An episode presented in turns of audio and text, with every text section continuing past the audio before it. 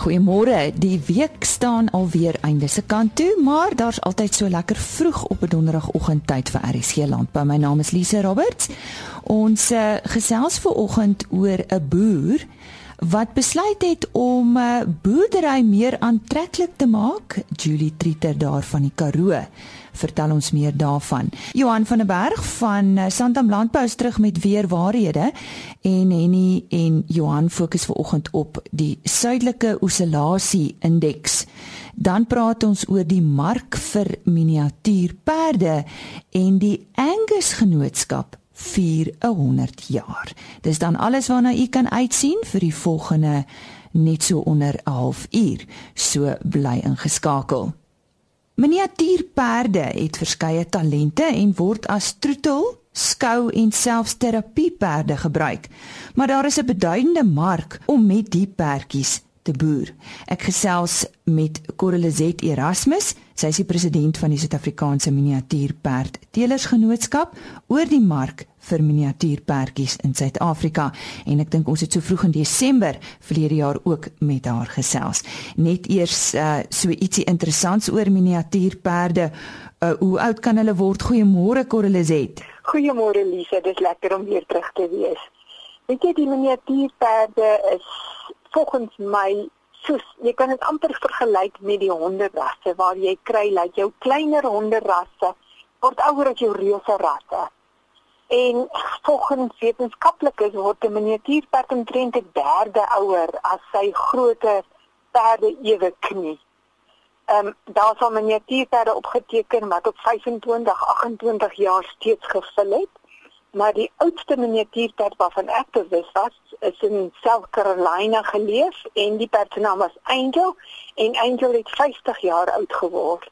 Is daar 'n groeiende mark vir die teel van miniatuurperde en hoeveel teelers is daar tans? Ons het heidaglik 75 geregistreerde teelers in Suid-Afrika.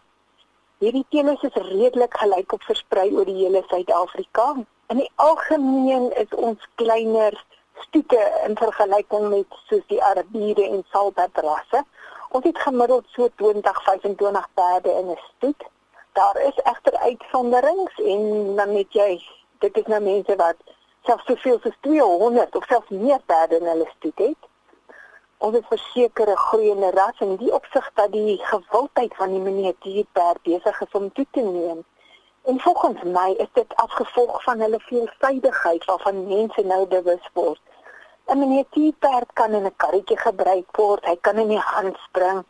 Hy's 'n terapiedier, hy's 'n fantastiese krokodil en in Engeland word hulle selfs as gidshonde opgelei. En dit hierdie faktor wat eintlik vir my so verstommend is, dan blykbaar kos dit ongeveer dieselfde om 'n gidshond en 'n gidsperd op te lei. Die verskil lê egter daarin dat die perde soveel langer lewe en soveel soveel langer werkperiode het as die gidshonde. Hierdie perde is wonderlik om jong kinders vertroue te gee. Hulle is fantastiese beginnerperde. Vir enige jong kind en ek sien self vir 'n kind in Nismark wat lief is vir perde, maar nie noodwendig wil ry nie. En dan meneer Pieter gee geweldig baie liefde terug en dit maak hom so onweerstaanbaar. Corliset, maar is dit winsgewend om met hierdie perde te boer? Ons spog baie graag met ons insie wat verlede jaar op die nasionale veiling vir 240 000 rand verkoop is. En onmiddellik as jy na daai syfer kyk, dan dink jy dit moet winsgewend wees.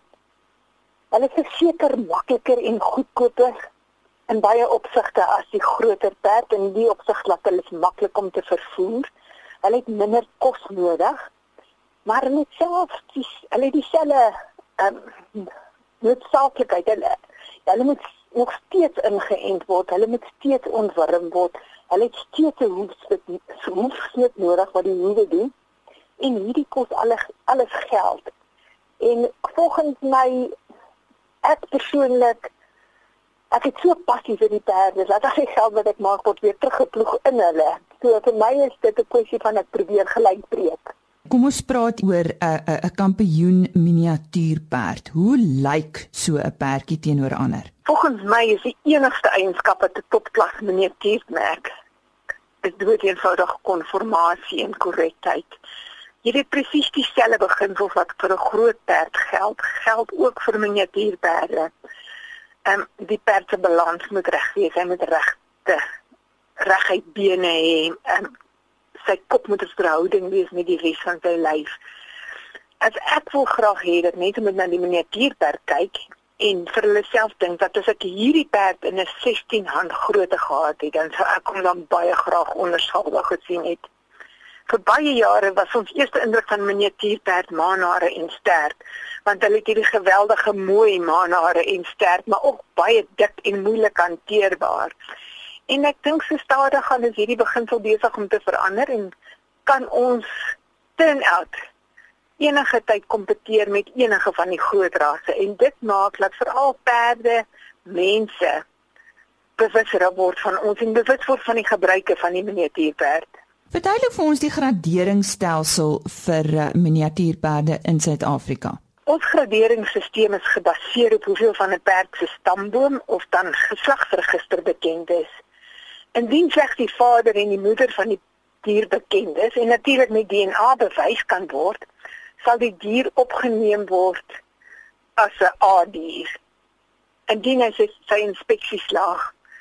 Ekskuus, ek het myself hier weer spreek. 'n Dier wat opgeneem word as 'n A, sy ouers is glad nie bekend nie. Met ander woorde, hy word opgeneem in die stelsel as ouers onbekend. 'n Dier waarvan die ouers bekend is en wat met DNA bewys kan word, sal opgeneem word as 'n gradering B. En 'n perd waarvan 3 geslagsregisters bekend is, word opgeneem as 'n SP. Dit beteken 'n stad proper. En miniatuur perde was tot heidaglik 'n oop stamboek. Met ander woorde, perde kon ingebring word as ehm um, A-diere indien hulle 'n inspeksie sou slaag met die minimum vereistes soos volgens die um, grondwet vasgelê. Maar vanaf 1 Julie 2017 word hierdie boeke toegemaak en kan hingste nie meer in opgeneem word as A-diere nie tensy hulle 'n ewige inspeksie met 'n penalty fee kan slaag. En ons die een ding wat ons nog opgestel is, laat alle villings wat geregistreer word, moet 'n ouerskap verifikasie bewys hê wat met DNA bewys is en slegs dan sal hierdie perd opgeneem word as 'n geregistreerde miniatuurperd. Om jy af te sluit, hoe hoe skakel julle as genootskap by Sanesa en Sanesa staan vir South African National Equestrian School Association. Hoe skakel julle by hulle juis in? Ehm um, Sanesa het 'n klas waarin skoolkinders kan kwalifiseer om aan die nasionale kampioenskap aan die einde van elke jaar deel te neem. Hierdie klas wat hulle noem Vitality Hand is eintlik nommer pas vir die miniatuurperd. En hierdie klas met die hanteerder sy perd aan die hand deur 'n hindernisbaan lei met die klem natuurlik op gehoorsaamheid, afrigting en temperament. Hierin kan die miniatuur per dieselfde vlak deelneem as die groter ewe knie van die perde wat gery word. En dit weer waar dit hierdie gedeelte inkom van 'n kind wat moontlik baie lief is vir perde maar nie noodwendig wil ry nie. Hierdie klas is ideaal vir hulle. En dan het ons ook natuurlik klein ruitertjies gaan graad R en miskien self graad 1 wat ook met die miniatuurperd as hulle miniatuurperd ryperd kan kwalifiseer om aan die nasionale kampioenskappe deel te neem. Ons gesels volgende week weer met Corlizet Erasmus en dan so bietjie meer oor die terapie aspek van hierdie perde en sy is die president van die Suid-Afrikaanse Miniatuurperd Teelers Genootskap. Ons uh, gaan nou gesels met Andrew Masterson. Hy is die voorsitter van die Angus Genootskap van Suid-Afrika. En die rede waarom ons met hom praat is uh die uh, genootskap die hou 'n groot fees en dit is die Eeufees uh, wat uh, gaan plaasvind en uh, ons gaan 'n bietjie gesels oor die 100 jaar vieringe wat gaan plaasvind. Andrew, wat is die die hoogtepunt van die Angus Genootskap se se Eeufees jaar? Ja, Die hoogtepunt van die eeufeesjaar gaan uh, ongetwyfeld die nasionale kampioenskappe wees wat uh, die 4de en 5de Mei in by tesame met die Bloemfontein skou gehou gaan word. Die uh, rooi Angus word die 4de Mei beoordeel en die swart Angus Vrydag die 5de Mei. Ons is baie bevoorreg dan ook om 'n uh, internasionale beoordelaar, meneer Dennis Rinko wat van Kanada afkom dat ons hom kon kry om hierdie spogeleentheid vir ons te beoordeel. En en die fortunes, waar kom hulle almal vandaan? Ja, die vertoners, uh, dit is van reg oor die land, Vrystaat, Noordwes, Wes en Oos-Kaap, Gauteng en die Noord-Kaap. En natuurlik almal wat in in Angus belangstel gaan daar wees, nê? Nee? Ja, daar gaan baie belangstelling wees van uh, ander Angus spelers wat dalk nie gaan skou nie en dan baie rolspelers in die vleisbedryf gaan dan ook hierdie geleentheid bywoon. En en uh, hoe word die geleentheid uh, afgesluit? Ehm um, die geleentheid gaan afgesluit word met 'n uh, met 'n gala aand. Dit is soos ons al sê 'n black tie aand ehm um, spoggeleentheid ehm um, wat Vrydag aand die 5de Mei gaan plaasvind.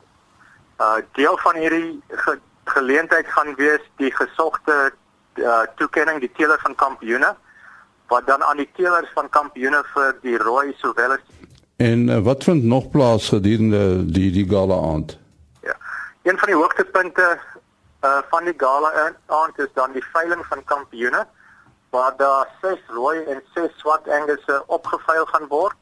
Hierdie beeste sal dan ook of kampioene of reserve kampioene in hulle onderskeie afdelings verower het. So dit is absoluut dit gaan die top angusse in die land van daai week gaan uh, op 'n veiling aangebied word. Dit gaan 'n geleentheid wees wat die mense sommer weer gaan kry nie. En en die die genootskap die publiseer ook 'n boek uh, ter viering van van hierdie EOFees jaar. Uh, vertel 'n bietjie meer daarvan.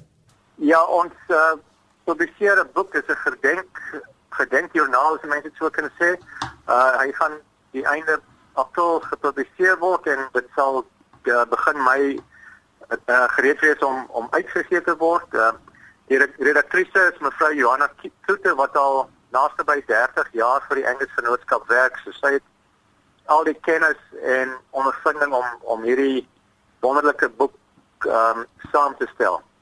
In hierdie boek sal sy dan ook 'n oorsig gee van die geskiedenis van die ras in Suid-Afrika, sowel as al die interessante staaltjies en so wat oor 'n hele paar jaar saamkom. Dit dit dit is 'n boek wat baie interessant gaan wees. Uh, hoe verskil die die uh die Angus bedryf in die genootskap in Suid-Afrika uh, met met die uh in die res van die wêreld? Suid-Afrika is die enigste land in die wêreld waar daar meer rooi angusse as swart angusse is. Ek dink dit het maar baie te doen met Suid-Afrikaanse boere wat baie van 'n rooi vleisbees hou. Ehm um, so ons is omtrent 70% rooi angusse en 30% swart angusse, maar wêreldwyd is die angus populasie omtrent 90% swart en 10% rooi. Ehm um, die genootskap bedien dan uh die rooi en swart angusse en dan in die res van die wêreld is die genootskappe eintlik verdeel of 'n of 'n angus genootskap of in 'n rooi angus genootskap. En, en en wat het die ras so suksesvol gemaak hier?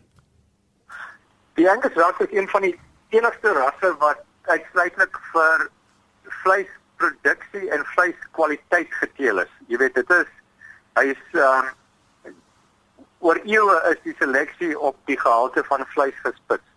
Dan is daar ook weet talle ander aspekte van Angus wat hulle so gewild maak. Ehm um, heel eerstens is die feit dat Angus kalves is redelik klein by geboorte en kalwingsprobleme basies ongehoord is. Ehm um, dan die feit dat Angus baie goed as in 'n kruisteel in kruisteel projekte saam met veral Europese en inheemse rasse gebruik kan word is 'n groot pluspunt vir die Angus ras. Hulle lewer dan ook kalvers wat vinnig groei en en uit met wat dan uitstekende steenge steengewigte kan handhaaf. En en hoe lyk die toekoms van die ras hier in Suid-Afrika?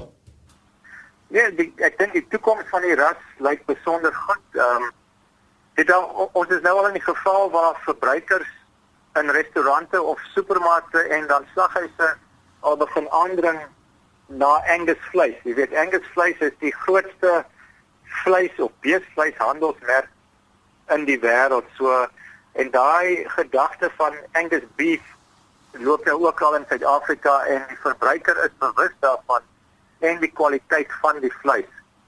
Uh daarom het ons ook ons eie Angus beef projek uh wat steenkalvers koop en dan Angus vleis aan geselekteerde ehm um, uh, slaghuise en en kleinhandelaars kan um, verskaf. Uh, maar die toekoms soos ek sê is is regtig waar wonderlik vir Engelse. Ehm um, die feit dat die ras ook poenskop is Ehm um, dit is dis baie belangrik hier daar dat mense word gekant teen onthoring van beeste. Die Angus is natuurlik poenskop. Ehm um, nie die mense kan aan en aan gaan. Dit is regtig waar dit die ras wat ek glo binnekort in hierdie land uh die vleis die vleisketting as dit ware gaan oorheers. Nou ons sê baie dankie aan Andrew Masterson. Hy is die uh die voorsitter van die Angus Beestelers Genootskap hier in Suid-Afrika. Baie van ons hunker na die plaaslewe en vir die meeste van ons is 'n perderit tussen 'n trop beeste net 'n droom. Nou Julie Trieter het 'n paar jaar gelede besluit om haar droom te gaan uitleef. Toe sy haar oupa grootjie se plaas gaan regmaak het en as 'n besigheid met die naam Karoo Ranching begin het. En dis waaroor ek met Julie vanoggend gesels. Julie, vertel net eers vir ons uh, wat is Karoo Ranching? Lisa, wat ons wil doen is ons wil 'n nuwe generasie boer probeer inspireer. En wat Crew Ranching is is 'n is 'n handelsmerk. It's a it's a sign, it's a it's a symbol of a new generation of farmer. En ons probeer dit ehm um, wel ons doen dit op die oomblik deur film. Ons het ook 'n 'n klere reeks wat ons uitgebring het. Ehm um, ja, so it's it's about a new brand and a new generation of farmer and being the brand that inspires them. Julie, maar waar kom hierdie idee vandaan? Hoe het jy daarop besluit? Lisa, mense het definitief nie 'n graad nodig om om dit uit te figure nie. Ons land is ehm um, degradeer na na rommelstatus en wat dit dan na verwys is it's not rocket science. The average age of our South African farmer is 60 years old. Who the people that are going to feed our country when we can't import the foods ourselves? En dit was vir ons nogal nou some, someone's got to do something about it. Someone's got to be the brand that pioneers that and and calls forth a new generation that are going to come and feed our country. So that was, um, to put it in the bottom line, it's food security. En ons wou daai handelsmerk wees wat dit miskien kan doen in Suid-Afrika. So waar is daai plaas geleë waarna ons nou verwys? Uh die plaas waar Karoo Ranching uh die besigheid gebore is, is tussen Graafrenet en Middelburg. Dit is eintlik my oupa grootjie se plaas wat ons gaan regmaak het 'n paar jaar gelede. Ehm um, ons het nou uh baie groepe wat van die stad af kom veral ehm um, besigheid besighede en bestuurspanne wat kom hulle doen hulle stress sessions en allei goed daar. Ehm um, so ja, dis that's the short answer to your to your question. Nou jy wil ook 'n beter beeld aan landbou gee deur al hierdie projekte. Wat bedoel jy daarmee? Wel, op die oomblik is landbou it's not really an attractive career option. So uh and nommer van die redes is is um it's seen as it's too dangerous to go farming or it doesn't make money. That like na gesukkel and land reforms Allei goed is vir, vir my generasie, the kind of 50 year olds to 40 year olds, dis wat ons bang maak om terug te kom boer uh, na die plase toe. But there's also an incredible amount of opportunity in all of that. En dis wat ons wil voorbring vir mense is um and making it more attractive for the younger generation to get involved. Julle bied 'n unieke ervaring wat julle noem Cattle Drive. Wat is dit? Vertel ons bietjie meer. Wel, al wat dit behels is ehm um, ons het ons jaarlikse beeswerk gedoen op die plaas en ehm um, baie van my talle wou saamkom. Toe hulle het almal saamgekom, nader aan toe verkoop ons kaartjies en Dit is 'n jaarlikse ding wat daar gebeur. So ons koop kaartjies na die annual cattle drive elkeen kry 'n perd. Ehm um, ons maak die beeste bymekaar, ons doen die jaarlikse brandwerk en al die goed in die krale en ons het fotograwe daar en dis net een ongelooflike lekker kind of get together wat 'n hele paar boere in die area um, kom bymekaar so ons verkoop kaartjies aan aan die annual cattle drive en dit is ongelooflik. Like it's it's one of those kind of lifetime experiences for those people that don't do it every day. Nou dit klink so. Julle bied ook in Junie 'n filmfees aan. Nou jy het so 'n bietjie in die begin gepraat van film, maar dis nie 'n tradisionele filmfees soos ons dit ken nie. Hoe werk dit? Ja, so ons uh, filmfees word in Junie maand aangebied en the whole ethos of the festival is to raise the profile of farming in a positive way. No negativity, no fear. We've got enough of that stuff. Like we've got to put forth a, a new perception of farming because there are many incredible facets to it. So wat gebeur is daar's koöperatiewe kategorieë, daar's professionele kategorieë, uh and there's one for amateurs as well. So we have top top uh, photographers and filmmakers coming from all over. En die idee is dat ons hierdie jaar films maak vir volgende jaar se filmfees. En um wat ons ook probeer doen ek baie van die media daar kry en hulle koop ook in aan die ethos van die fees uh, van die fees wat it's about positivity. It's about being positive. It's about being starting putting good things out there. It's a new generation. So die media wat daar aankom is die groot die groot ouens en ehm um, dis hoe kom ons met mense soos julle praat. Waar kan ons meer inligting hieroor kry? Dis heel wat maklik. Uh dis www.peruranching.com. So die idee is dat ons internasionaal wees. So peruranching.com. Nou ja, die vrou wat met soveel passie gesels het oor boerdery is Julie Trieter van Karoo Ranching. Weer waarhede saam met Johan van der Berg.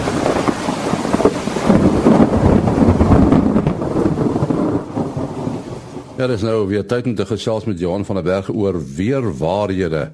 En uh, ons gaan vandag praat oor 'n term wat ons so nou en dan hoor as ons met Johan praat, Johan van Santam Landbou, en dit is die suidelike oscillasie indeks. Wat presies is dit, Johan? En ja, dit is baie keer verwarrend. Uh, ons praat baie keer van die suidelike oscillasie indeks of die SOI en dan verwys ons na El Niño of La Niña. Maar dis maar 'n indirekte meting van die sogenaamde ENSO toestande, El Niño suidelike oscillasie. So dit verwys na El Niño, La Niña of neutraal. Ehm um, nou dit is 'n indirekte metode soos ek sê want uh, dit word eintlik gemeet as die lugdruk verskil tussen twee punte. Die een punt is Darwin in Noord-Australië en die ander is op die eiland Tahiti uh presies omtrent in die middel waar die El Niño en La Niña gewoonlik voorkom.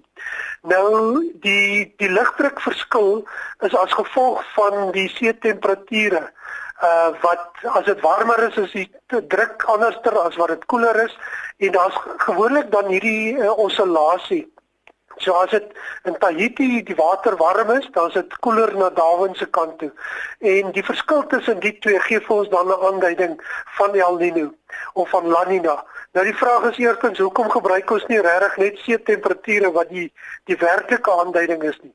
En ongelukkig het ons see temperature historiese data maar omtrent so 30 jaar uh op die meeste wat ons goeie aanduiding het terwyl die suidelike oscillasie indeks uh die syfers het ons al van 1876 af. So is al amper 150 jaar se inligting wat ons daar het. Nou hoe gebruik ons dit in voorspellings? Nou die manier wat ons gebruik uh is uh, wat die Australiërs ook maar gebruik is om hierdie suidelike oscillasie indeks maandelikse gemiddelde syfers uh in fases in te deel. Uh nou ek gaan nie te veel tegnies hierop ingaan nie, maar byvoorbeeld fase 1 verwys na El Niño en fase 2 na La Niña en die ander drie fases is vinnig dalend, vinnig stygend of neutraal. Maar as 'n mens dan gaan terugkyk, ons sit met hierdie reeks van of 'n lang historiese reeks van histories af van uh suidelike konstellasie data en ons vergelyk dit hierdie fases met die reënval wat voorgekom het. So byvoorbeeld, ons sê in Oktober uh is dit fase 1 hierdie jaar en dan gaan kyk ons terug in die verlede. Hoeveel Oktober maande was daar in die verlede? Waar dit fase 1 of El Niño neigend was. En sê veronderstel daar was 10 sulke maande gewees. Wat het gebeur in die opvolgende maande in terme van reënval? Wat het gebeur November, Desember en Januarie? En so byvoorbeeld as dit fase 1 is of El Niño neigend vir 'n plek soos Bloemfontein byvoorbeeld, het tussen 70 en 80% van soortgelyke jare het dit onder gemiddeld gereën vir November, Desember en Januarie. So as ons nou weer in so 'n fase is, gebruik ons dit uh, en druk ons dit uit as 'n waarskynlikheid en sê gegrond op die verlede was omtrent 7 na 8 uit 10 jaar het dit ondergemiddeld gereën in die maande wat volg. En dit is eintlik wat vir ons dan 'n uh, aanduiding gee en sê maar hierdie jaar kan droër of die volgende paar maande kan droër of natter wees. So ons werk dus op waarskynlikhede met hierdie goeie historiese data van die suidelike konstellasie indeks en reënval. So dit gaan uiteindelik oor korrelasies gaan oor korrelasies. Uh, uh hoe hoe die een met die ander een reageer. Wat wat gebeur as die een uh, die suidelike konstellasie indeks reageer uh, uh so reageer uh hoe reageer die reënval op dit? En uh, globaal ons kan nou verskillende plekke in die land vat en ons kan dit oor die wêreld ook vat. As ons historiese data het, kan ons eintlik vir enige plek in die wêreld 'n voorspelling maak mits daar 'n redelike goeie negatiewe of 'n korrelasie is tussen die suidelike konstellasie indeks en die reënval wat gebeur het. En in sekere lande en in sekere gedeeltes is daar geen korrelasie nie.